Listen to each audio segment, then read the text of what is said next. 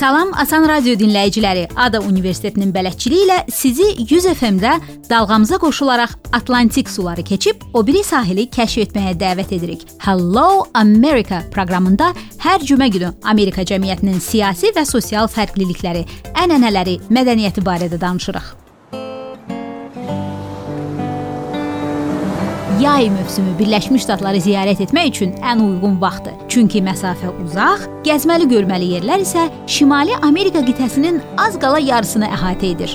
Qış tətilində Amerikaya səyahət edənlərin bəxti bir o qədər də gətirmədi. Çünki Amerika bağlı idi.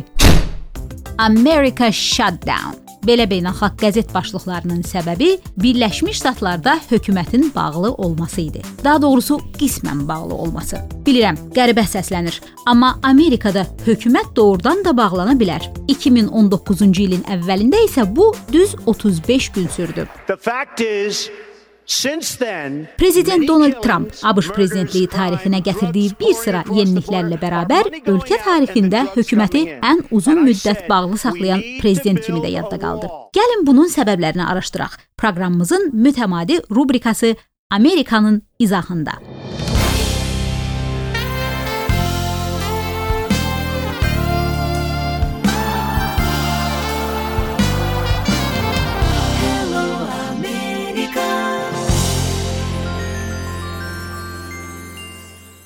Hökumət necə bağlana bilər?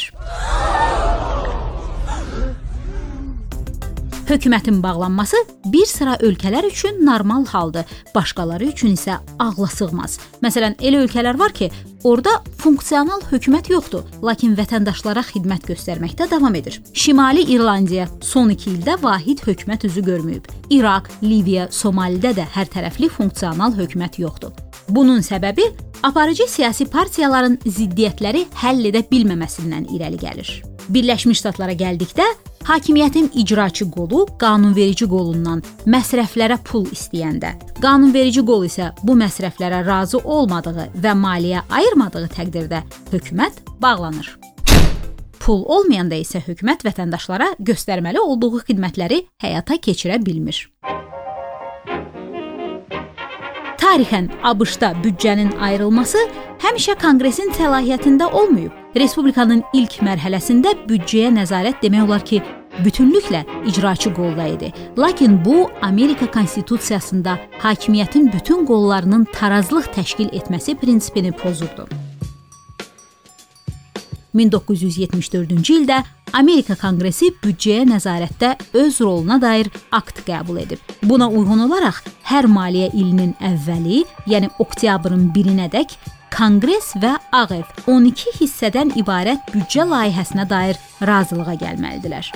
Bu razılıq əldə edilməyəndə dövlət proqramlarına maliyyə axını müvəqqəti olaraq dayandırılır. Bu günlərdə büdcə prezident administrasiyası tərəfindən tərtib edilir, Konqres tərəfindən təsdiqlənir. Belə addım dövlət başçısı olan prezidentin səlahiyyətlərini məhdudlaşdırmaq üçün atılmışdı. Bu ilki maliyyə ilinə dair büdcə layihəsinin 12 hissəsindən 7-si təsdiq olunmuş, 5-nə dair isə razılıq əldə edilməmişdi. Məhz buna görə hökumətin maliyyələşməsi qismən dayandırılmışdı. Ədalət naminə qeyd etmək lazımdır ki, Konqres də bu addımı kör-köranə atmır. Sual altına aldığı büdcə məsrəfləri mütləq olmayan xərclərdir. Buna fərdi maliyyə misalında baxaq. Kirayə, ərzaq, kommunal xərclər həyatımız üçün mütləqdir restoran ziyarətləri, siqaret, balıq tutmaq səfərləri ikinci dərəcəlidir. Konqres büdcəyə qoyulan məhz ikinci dərəcəli məsrəfləri sual altına alır. Prezident administrasiyası bunların izahatını qane edici şəkildə verməyəndə isə 2009-cu ilin icraçı qanunverici ziddiyyətinə səbəb olan Prezident Trampın ABŞ-Meksika sərhəddində mühacirlərin ölkəyə daxil olmasının qarşısını almaq üçün təklif etdiyi divarın tikilməsi idi. Seçki qabağı kampaniyasında dəfələrlə söz verdiyinə görə prezident bu divarı hökmən tikib bitirmək istəyirdi. Bunun üçün də Konqresdən 5.7 milyard dollar pul istəmişdi. We need to build a wall and it has to be built quickly. And I don't mind having a big, beautiful door in that wall so that people can come into this country legally. We're not doing a wall. So that's it. Are you worried about backlash? Are you worried about backlash? backlash? No, it has nothing to do with politics. It has to do with the wall is an immorality between countries. It's an old way of thinking. It isn't cost effective. Nəticəsi ABŞ-ın 9 nazirliyinin işi qismən və ya tamamilə 35 günlük dayandırılmışdı. 800 min nəfər vətəndaş ya işə gəlmirdi, ya da pulsuz işləməyə məcbur edilirdi. Çünki elə xidmətlər var ki, onların dayandırılması milli təhlükəsizlik məsələlərinə aiddir. Məsələn, hüquq mühafizə, hava, yer və su nəqliyyatının işləməsi, milli parklar, muzeylər fəaliyyət göstərmirdi. Nəticədə bir çox turistlərin də Amerikada görmək istədikləri yerlər bağlı olduğuna görə səfərlərinin dadı duzu qaçdı. These Australian visitors find it hard to understand how a major national park could close its gates. People are, coming to your country willing to spend money to look at things. The last thing you should be shutting is, you know, your parks. Prezident Trumpla Konqres arasında bu 1 aylıq siyasi oyun Amerika iqtisadiyyatına 11 milyard dollar ziyan vurdu. Bu yalnız hesablana bilən birbaşa ziyandır.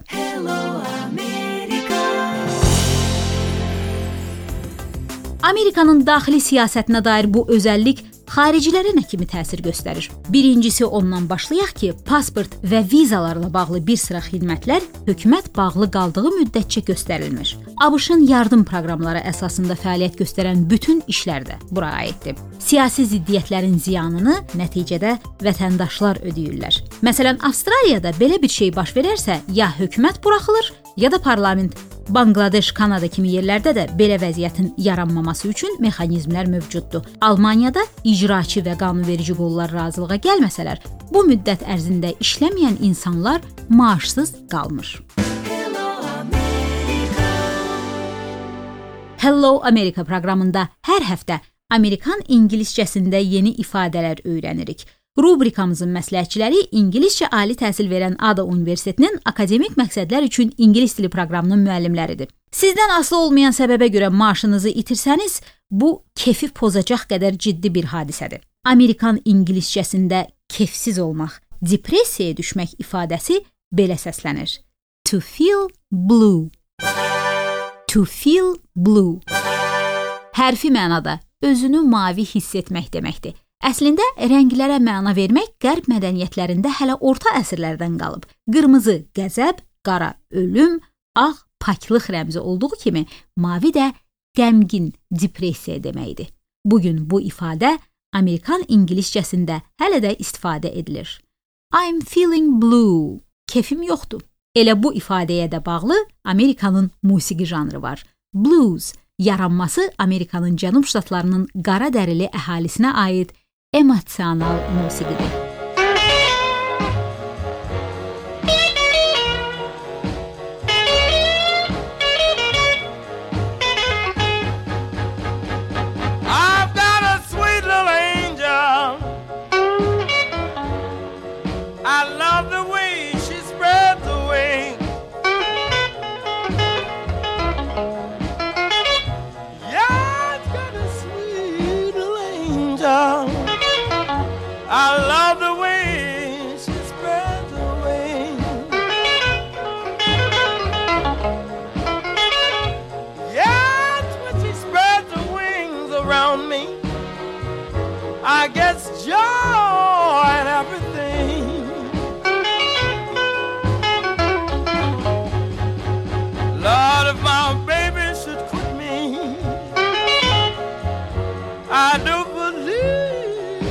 I would die.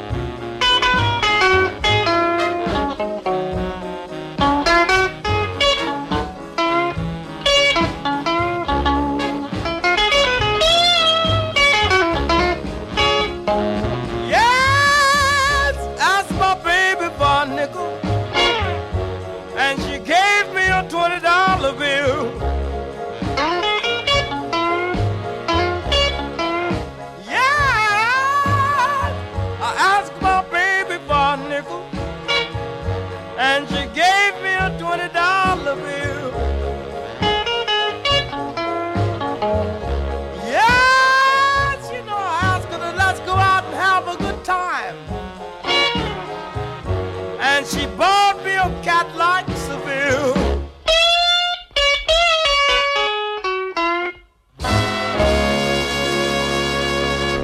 Yayın rəngi günəşin sarısıdır. Onu blue, mavi ilə qarışdırıb yeni həyat rəmzi olan yaşıla boyayın. Qarşıdan gələn yay səfərlərinizdə sizə yeni təəssüratlar arzulayaraq növbəti cüməyə qədər sağollaşırıq.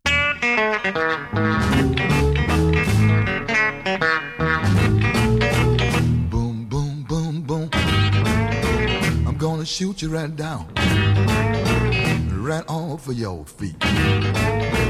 Take you home with me put you in my house. Boom, boom, boom, boom. Mm-hmm. Mm-hmm. I love to see you walk up and down the floor. When you're talking to me, that baby talk. I just like it like that. Or when you talk like that, you knocks me out. Right off of my feet. How, how, how, how.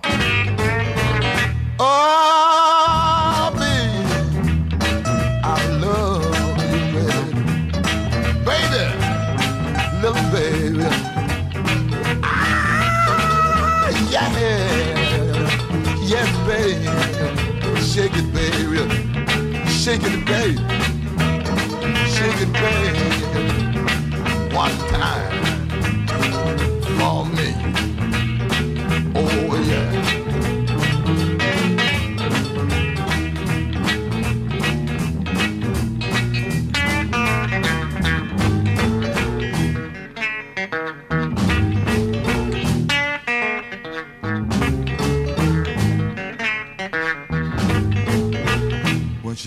that walk and talk that talk and whisper in my ear and tell me that you love me. I love that talk, that baby talk. Or when she talk like that, she knocks me dead right off of my feet. How, how, how, how. Oh, yeah. Well, come on home to me, baby. And shake it, baby. And shake it, baby.